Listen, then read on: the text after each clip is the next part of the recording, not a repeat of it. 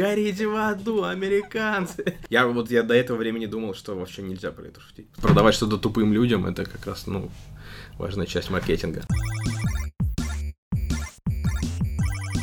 Усім прывітанне з вами дигітал подкаст сёння наш гость Денис чужой стендапер які прыехаў з канцэртам у Менск прывітанне Денис Привет. Я не смогу поддержать на белорусском. Очень красивый, очень мелодичный язык, но я не вывезу, простите.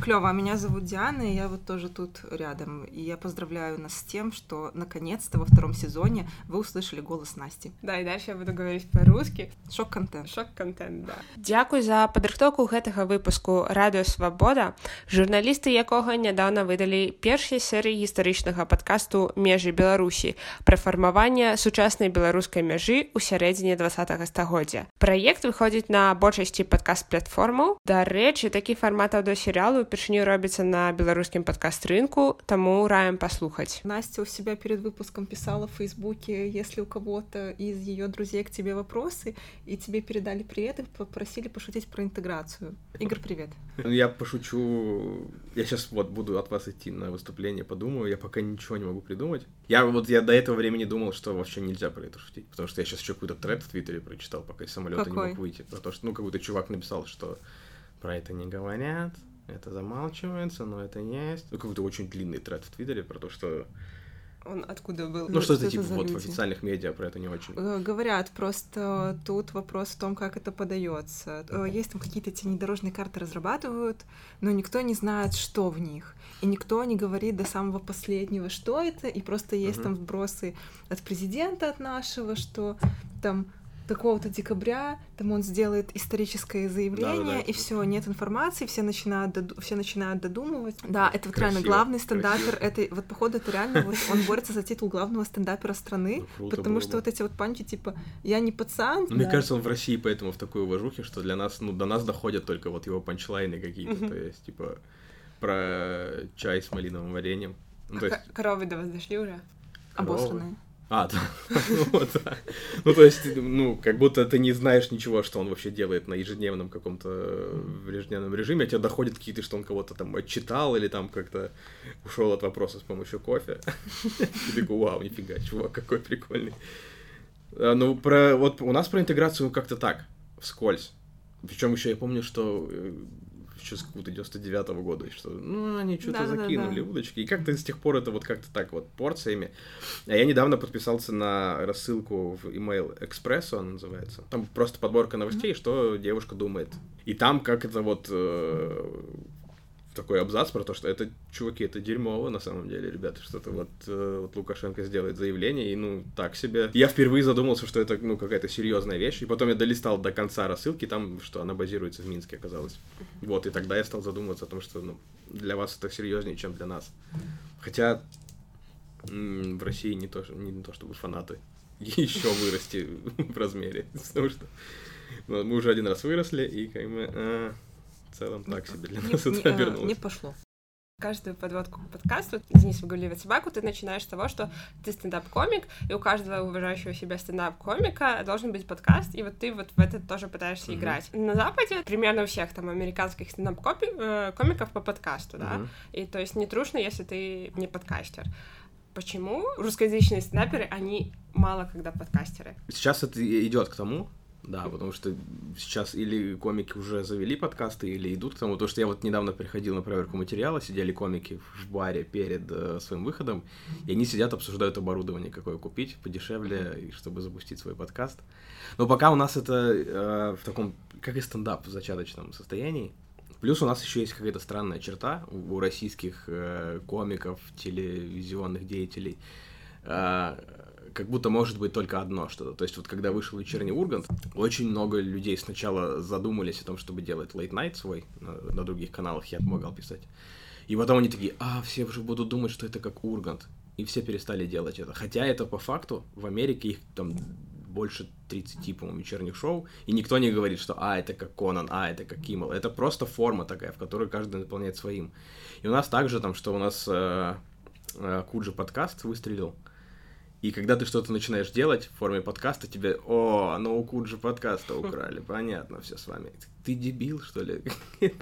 Я это если и украл, то совсем у других людей из по, по ту сторону океана. То есть у нас как-то вот какой-то сдерживающий этот фактор, но я думаю, что прям несколько месяцев до того, как опять у каждой собаки будет подкаст. У кого ты посмотрел формат аудиодневника? Не, ни у кого не посмотрел. Я просто захотел попробовать. Но у меня есть такая черта, я себя очень грызу, когда я не делаю что-то полезное, что не приносит денег или там, не знаю, материал мне не увеличивает в, в объеме. Я такой, блин, ну я не могу себе позволить сейчас сесть и заморочиться подкаст делать вот в, с ипотекой. Я думаю, блин, а где я могу урвать время по то, чтобы записывать подкаст, чтобы не рухнула вся налаженная система. И я сначала придумал, что я буду ходить в супермаркет, записывать подкаст. У меня пилот подкаста идет, Денис идет в супермаркет. И мне понравилось, но на меня очень странно смотрели в супермаркете, потому что я прям ходил с петличкой. Реально с петличкой? Да. Как идиот.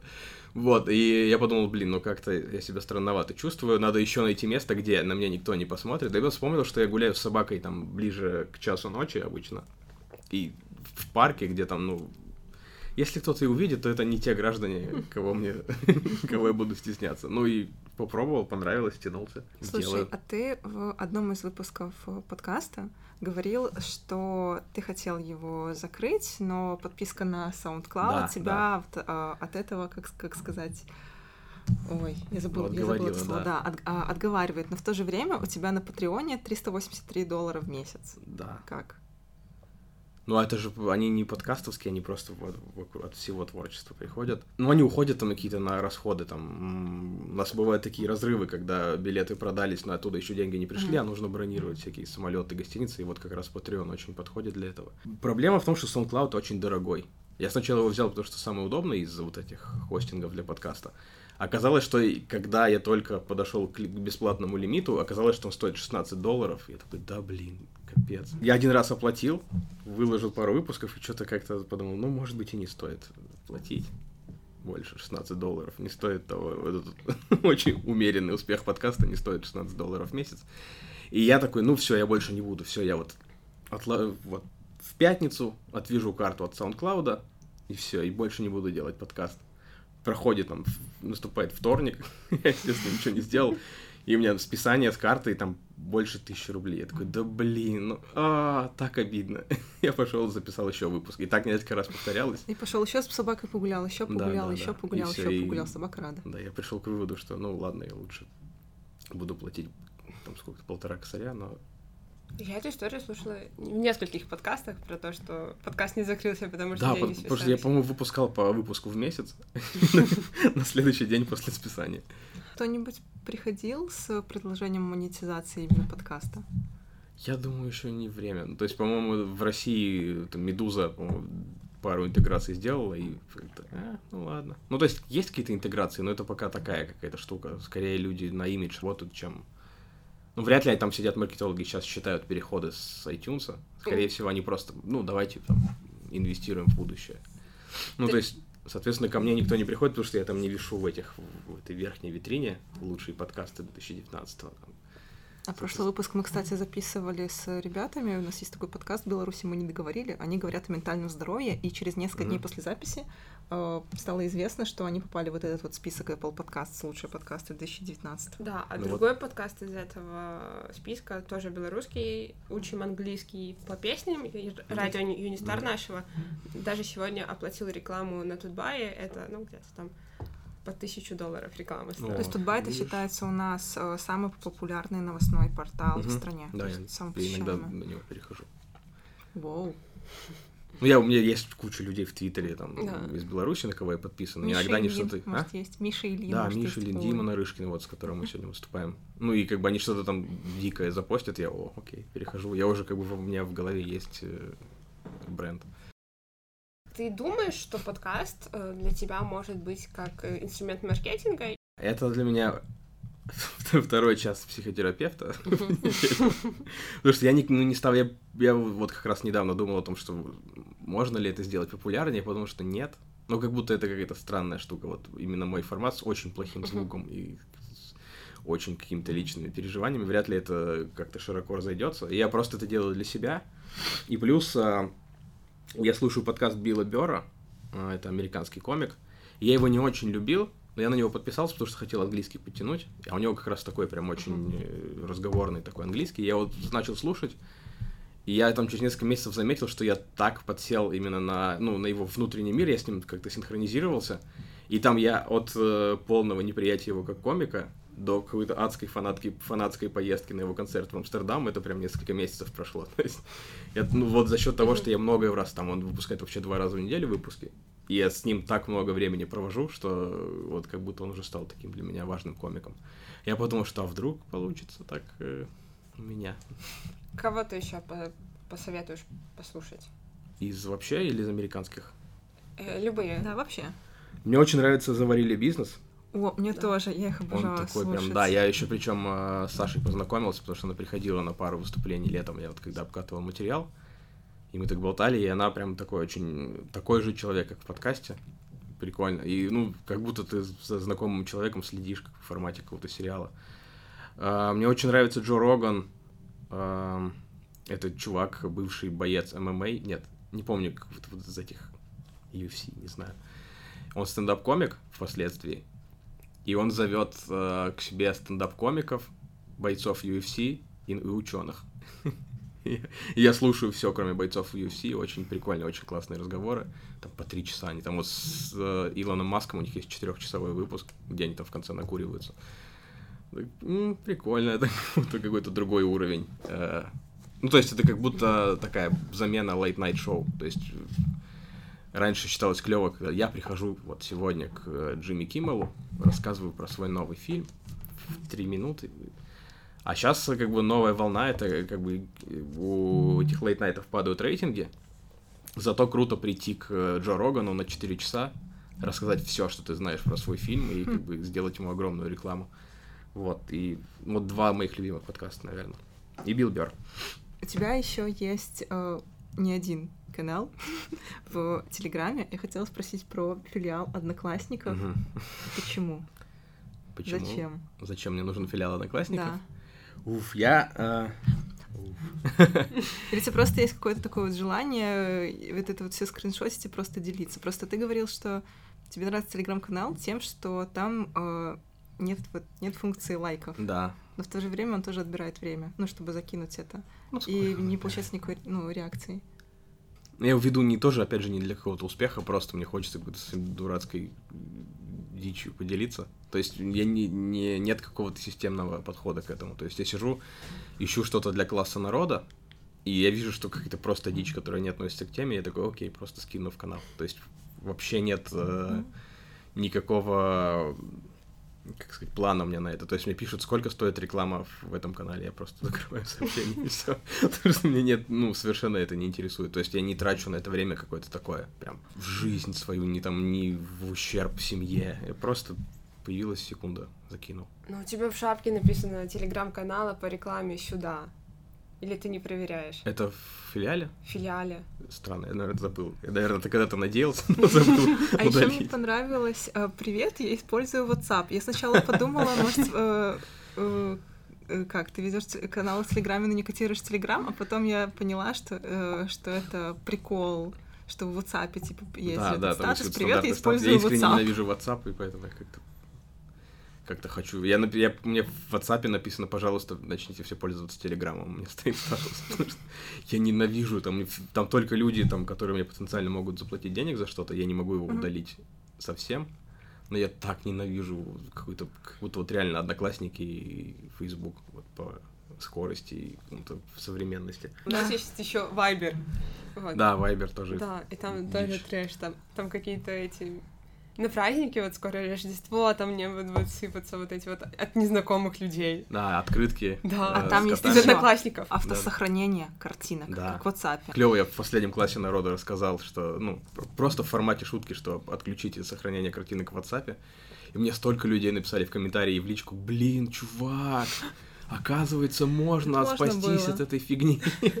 И, оказывается, открыл для людей мир, что можно не забивать себе телефон. Слушай, а еще про платформу. Что ты думаешь про ТикТок? Ну, ТикТок, я не знаю, я сейчас ужасный пример приведу, но иногда бывает, что видишь человека с каким-то увечьем, без пальца там, ну, и ты не можешь перестать на это смотреть, А. потому что, ну, вот не знаю, почему, это есть у человека такая черта, и вот ТикТок это то же самое, ты смотришь что-то явно нездоровое, но ты, «О, окей. Еще один ТикТок, и я сейчас, ну, все, я закрою приложение, и ты минут 40 сидишь, листаешь каких-то сумасшедших каких-то людей. Я не понимаю, как это, зачем это и что, но ну, то есть люди, вот, зачем они танцуют? Я танцую синхронно с матерью. Как вообще мозг может работать, чтобы ты к этому пришел? У меня ТикТок простоял полтора года. Я Вау. туда заходила, вот один раз позалипать, э, в течение дня позалипала, и потом он у меня просто в iCloud висит. И я его на этой неделе удалила. Там есть великий э, видос, где, же- где женщина себе смывает в унитаз. Я смотрел его миллион раз. Просто вот не в обиду людям, про которых я скажу, есть вот у нас специалисты, маркетологи, пиарщики, СММщики, которые реально очень сильно котируют ТикТок. Говорят, что это просто соцсеть будущего, в нее надо идти. Даже вот у меня на моей, на моей нынешней работе мне мои коллеги говорили, типа, Диана, надо заводить TikTok. Я думаю, Ну, Там нет нашей, возможно. там, ну, а там просто нет нашей целевой аудитории. То есть TikTok он больше, TikTok он больше там для больше школьного возраста. То есть а, у меня это где-то 18-30. На работе делали мы эту образовательную программу для молодежи, и у нас была просто лекция про там пиар, сеточки, SMM, и после которой все себе установили TikTok. Вот, и прикол просто был в том, что все такие, типа, угорали, о, классно, клево, какие смешные видосы, а потом все такие, типа, через, три- через три дня я удалила ТикТок. Ты все зло. Ну нет, это ужасная штука. Но видишь, для продавать что-то тупым людям это как раз, ну, важная часть маркетинга. Потому что Слушай, моя жена интернет-маркетолог, и она, ну, кроме прочего всего. Я слышу иногда, что она из дома работает по скайпу, и она так вкидывает э, своим партнерам, надо попробовать ТикТок. Они такие, ой, ну, ну они же там тупые. И Оля говорит, ну так в том-то и дело. Надо идти в ТикТок. Мне, мне кажется, что это в Одноклассниках хорошо маркетологи используют. Ну да, я там, где я сижу, вот как будто все уже умирает. Ага. Я не знаю, есть сейчас маркетинг в одноклассниках. Ну, то есть, э, Там же все эти Арифлеймы, Фаберлики. вот я там не сижу, я сижу в таких Радио либо Свобода. совсем трэш-группах, ну, там, про АУЕ, вот это все. Либо я сижу, там, захожу в какой-нибудь Starbucks. Я очень любил первое время, а, по-моему, бросили вести Starbucks там в соцсети, потому что... Ну, то есть, им они выкладывают, а попробуйте наш э, тыквенный фрапучино, там, горите в аду, американцы. Раз уж мы ста- стали говорить про продажи и про всратость, у тебя были какие-нибудь вот именно по YouTube, по YouTube каналу очень дикие предложения по рекламной интеграции? Ну, прям совсем, ну, биокамины мне почему-то предложили один раз. Что это? Биокамины. Я понятия не имею, что это. Это какая-то штука, которая как-то странно горит. И мне просто стало неловко отвечать человеку, я просто ничего не ответил, потому что я не понял, про что вообще он. Ну, мы продаем биокамины и хотели бы в классе на порекламировать. Я, блин, я как будто, ну, это надо рекламировать тем, тем людям, про которых я делаю есть- И мне очень, мне очень неловко людям говорить, что я, типа, не понимаю, что вы хотите, я не буду с вами работать. Я просто не ответил. Мне неловко за это. А так, ну, вроде как будто э, наоборот идут люди. Я- У меня первое время вообще было, что, ну, канал был не такой популярный, чтобы в нем рекламу размещать. Но его смотрели люди, которые там маркетологи, какие-то такие люди, они такие, сольем чуть-чуть бюджета, поддержим Дениса. Даже когда он еще не тянул на то, чтобы что-то рекламировать, они заказывали рекламу просто вот из какого-то, м, из какой-то симпатии. Ну, слушай, мне кажется, тут еще есть вопрос именно в адекватности, когда ты коммуницируешь там с блогером, с ютубером, блогеркой, ютуберкой, потому что есть ребята, как я слышала от своих знакомых, которые с этим работают, очень неадекватные, которые просят очень много денег за очень мало аудитории и сливаются, а у некоторых из них даже нет какого-то каких-то документов даже, Мгм. понимаешь, и как ты читаешься перед бухгалтерией? Переводом на киви кошелек? Есть же не взрослые люди, есть такое, что Да. как-то это тебя немножко, наверное, наверное, это тебя немножко сбивает такая популярность. Ну, потому что даже если у тебя там 5000 подписчиков, ты получаешь столько каких-то положительных отзывов, что ты можешь немножко поехать. Да, я же звезда, я должен брать за это кучу mm-hmm. денег.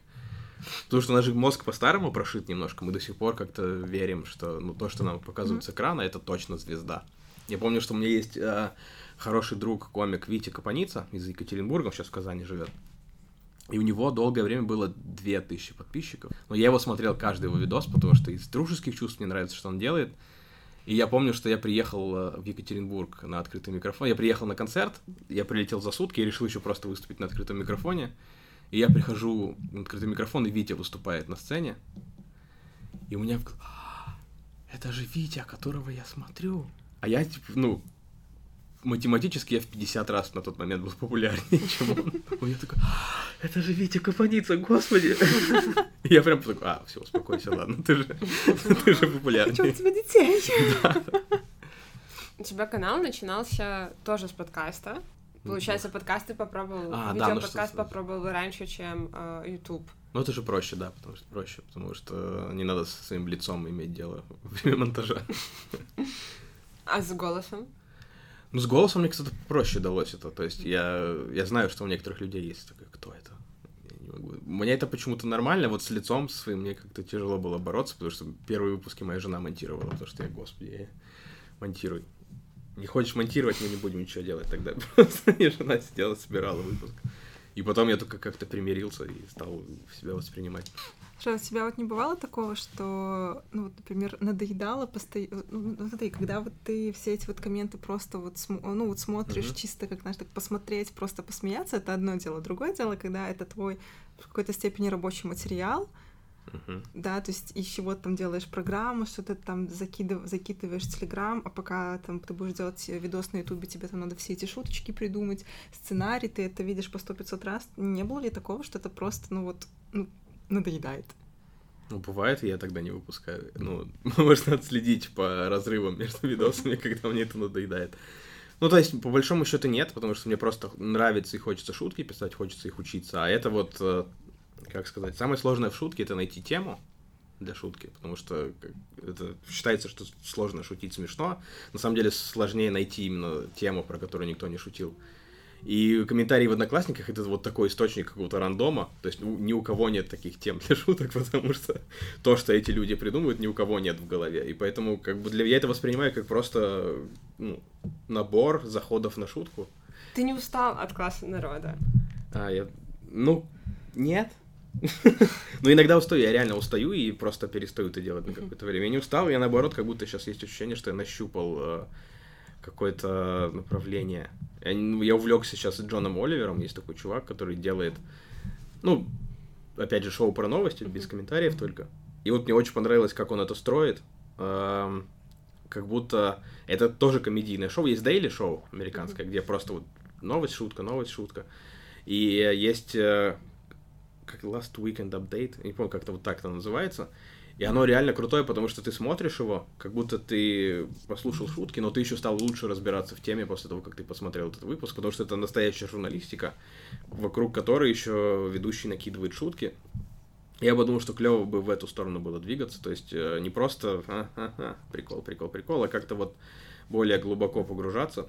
Я надеюсь, что если будут деньги там от спонсоров большие впоследствии, то я как-то найму людей, которые будут умнее меня, которые будут разбираться за меня в новости, а я просто их буду обшучивать. Ну, то есть я хотел бы, не хотел бы бросать класс народа, просто хотел бы его развить в что-то больше, более умное, чем просто вот такая ржака тупая. Ты свои, свои знания, которые ты сейчас э, в киношколе получаешь, будешь как-то применять, или, может, ты уже их применяешь? Ну, я надеюсь, что будет какая-то работа в кино. Или я там, например, ну, для меня образец простите, что при девушках говорю Луиси Кей, в, в плане работы. В плане работы.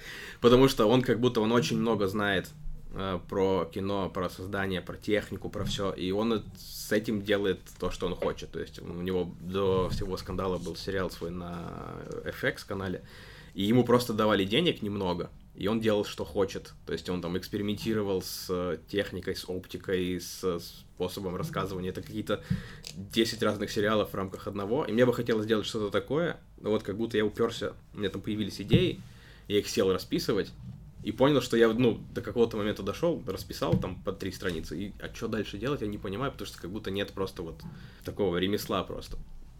И как раз был последний день приема документов в киношколу. Э, меня еще жена уговорила, потому что я открыл цены, и такой, уф, нет, ладно, я сам как-нибудь научусь. Она говорит, нет, нет, иди, все, мы там лишний раз не поедем на море, но сходи, пожалуйста, в киношколу. Я подал документы, меня зачислили, и все. Я надеюсь, что либо попаду в, в индустрию, либо просто получу знаний и буду сам делать более круто, чем сейчас сам делаю.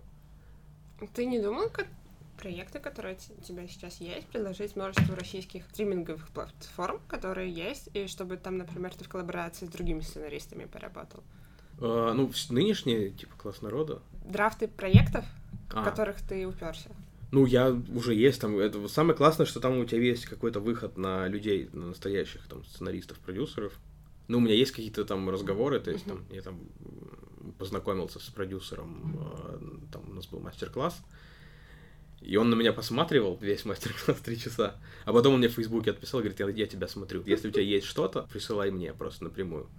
И я такой, да, классно. Я понял, что у меня пока ничего нет, но у меня как бы уже есть э, выход, есть какое-то позволение от человека, настоящего профессионала, ему, если что, прислать. Это, мне кажется, самая большая сложность, потому что обычно есть какая-то почта общая, inbox, собака и название студии .ру, и ты кидаешь туда письмо, и оно явно его никто больше никогда не увидит, и я много отсылал туда идей, и ничего не...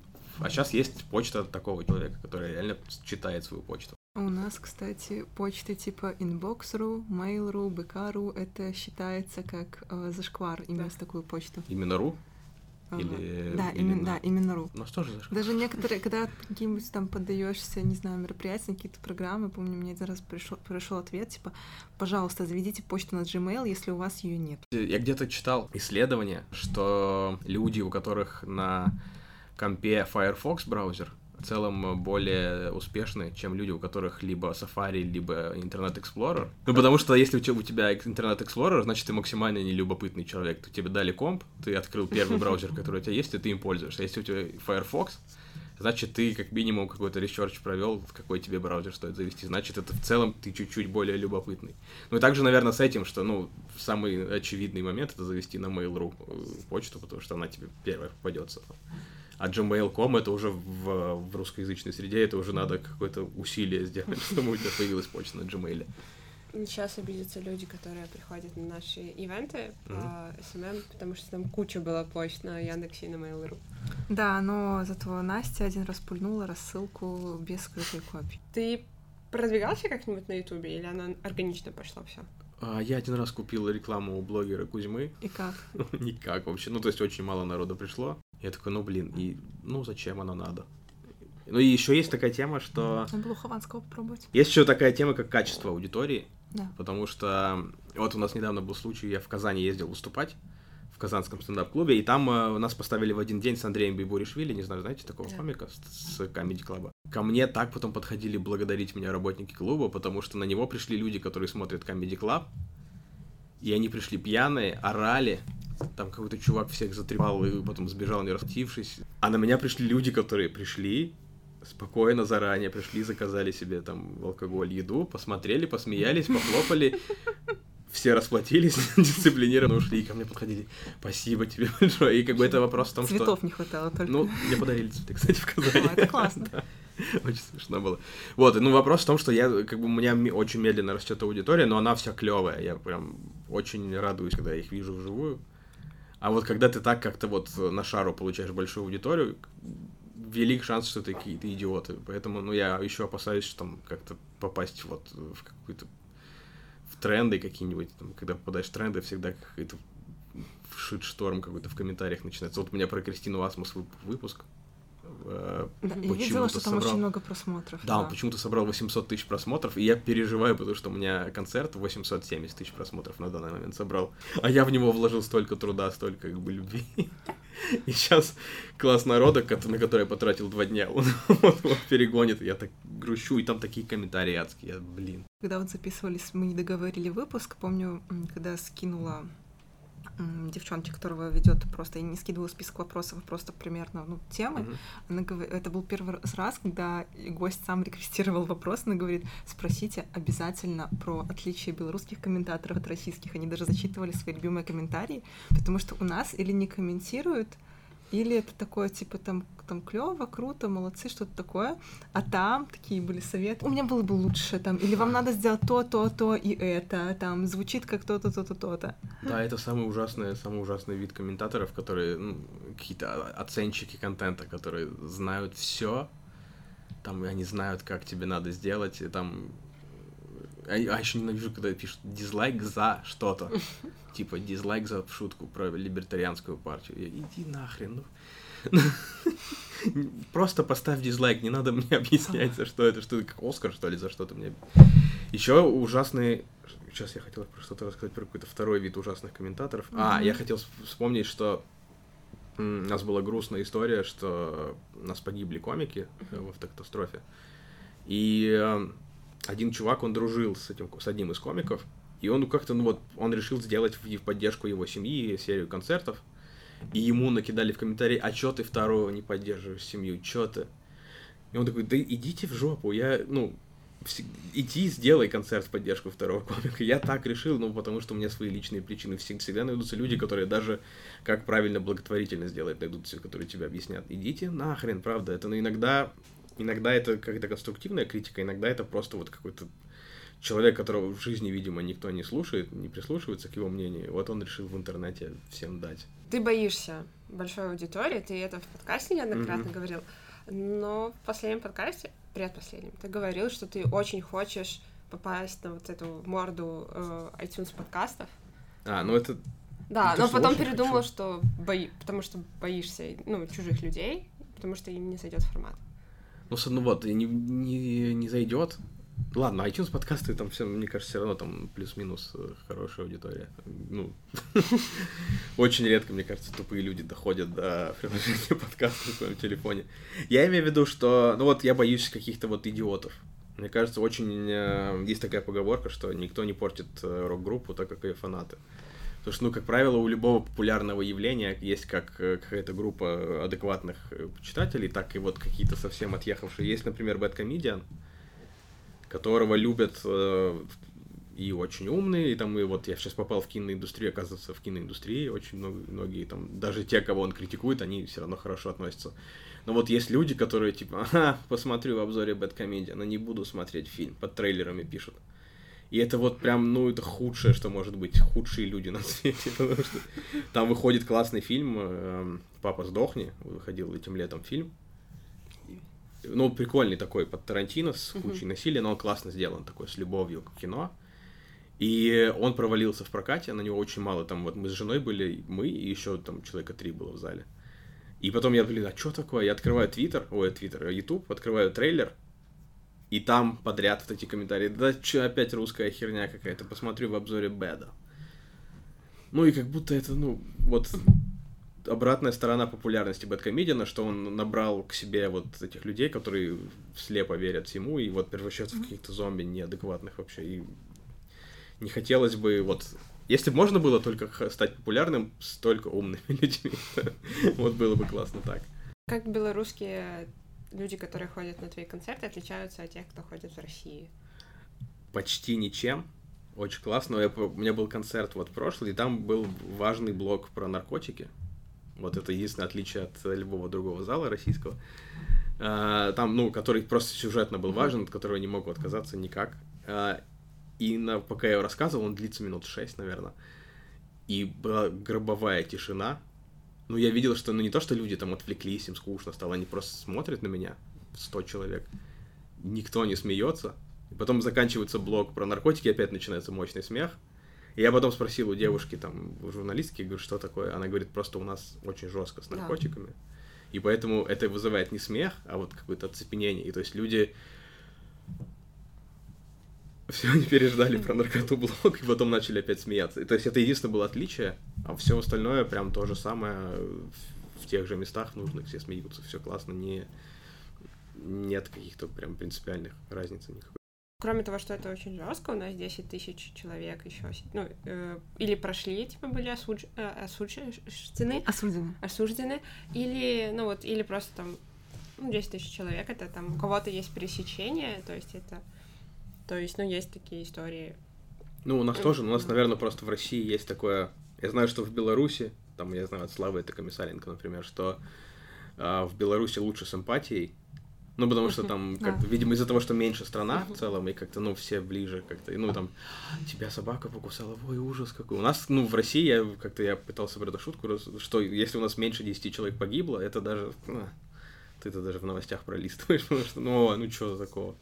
Поэтому у нас как-то вот от количества жести вот этой все немножко огрубело в душе. Потому что, ну вот, э, у нас тоже очень много вот этих дел идиотских, там, за 2 грамма. Когда ровно 2 грамма подкидывают человеку, там, или у него ровно 2 грамма находится в кармане, и он уезжает там на пару лет. У нас этого очень много, но как будто из-за того, что этого так много, у нас это уже, ну, Саня заехал, ну что теперь? Ну, ждем. Поэтому, ну, у нас та же самая проблема, но как будто мы к ней сильнее привыкли. Наверное, это для вас больше травма за счет того, что у вас нет какого-то имперского вот этого мышления, что люди это просто материал для, там, для статистики, для победы. Что тебя в последнее время больше всего затронуло? Блин, я просто сейчас в киношколе учусь, и я сейчас смотрю каждый день фильмы, которые я бы не стал смотреть по доброй воле. Какие-то там Русские комедии? Нет, ну там броненосец Потемкин, который все хвалят, но никто не смотрел. А я его реально посмотрел весь целиком. Как революционные моряки куда-то бегут три минуты. Ну вот э, много такого, поэтому я сейчас немножко потерян. Я, мы смотрели э, три билборда, и я как раз летел куда-то э, между городами. Я его смотрел в кино, и как-то в кино это какой-то немножко не тот опыт оказалось. То есть в кино мы посмотрели, и все, вау, классный фильм, да. И разошлись все. А в самолете я два раза заплакал, пока смотрел. Прям в двух, как бы я еще одновременно в айфоне смотрю сценарий, ну, как бы это по, по учебе нужно. И я прям, ну, размеченные поворотные точки, все по, по науке. Я помню, я прям в двух точках, где явно сценарист наметил, чтобы я заплакал, я заплакал. Я такой, вау. Я, ну, я пересмотрел все фильмы Мартина Макдона. «Семь психопатов». э, Господи, я забыл еще, какие фильмы у него были.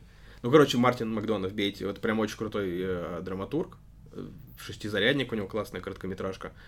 Вот, и прям я становлюсь фанатом Мартина Макдона. Посмотрите все, потому что сейчас я мне еще знакомый скинул примерный эм, э, сюжет его новой пьесы про то, что Ганс Христиан Андерсон э, живет э, в Дании у себя, и у него на чердаке живет темнокожая девушка, рабыня, которая за него пишет сказки, и она придумала темнокожую русалочку, и это вышло за год, по-моему, до вот этого скандала с тем, что ру- русалочка будет темнокожей. Огонь. Да, и у него какая-то там с кучей насилия эта пьеса, и вот она должна где-то появиться в видеоформате. Ну, то есть прям вот, вот этот человек, который так, на, на таком уровне это делает. что- Ну, я очень редко плачу на чем-то, но вот в, в самолете Победы со мной какая-то семья, которая меня поворачивается, я сижу в слезах с айпадом. Вот, наверное, для меня главный такой человек последнего времени. Э, Подкасты сказал, заварили бизнес. Э, Что еще? А, Классный подкаст это провал. Тоже слушаю. Ну там я далеко не всех. Я э, слышала в этом, в. Кристина, в Кристина Добрый день. Да, да, вот. Кристина Добрый это тоже человек делает. Да, вот я там далеко не всех гостей воспринимаю, конечно. Но в целом классный такой формат, такой очень искренний, откровенный. То есть э, в России вот про психотерапию там и прочее так говорят очень как-то зажато. Тут люди, которые говорят, а, мне помогло. Я- перестал думать о самоубийстве. И ты такой, классно. Мне не хватало таких людей. Ой, круто. Спасибо тебе большое, что присоединился. Спасибо Был вам, очень что классный, позвали. интересный разговор. Спасибо вам, что слушали нас. Если вы слушаете нас в Apple Podcast, пожалуйста, ставьте нам звездочки и отзывы. Это нам очень помогает, это очень важно.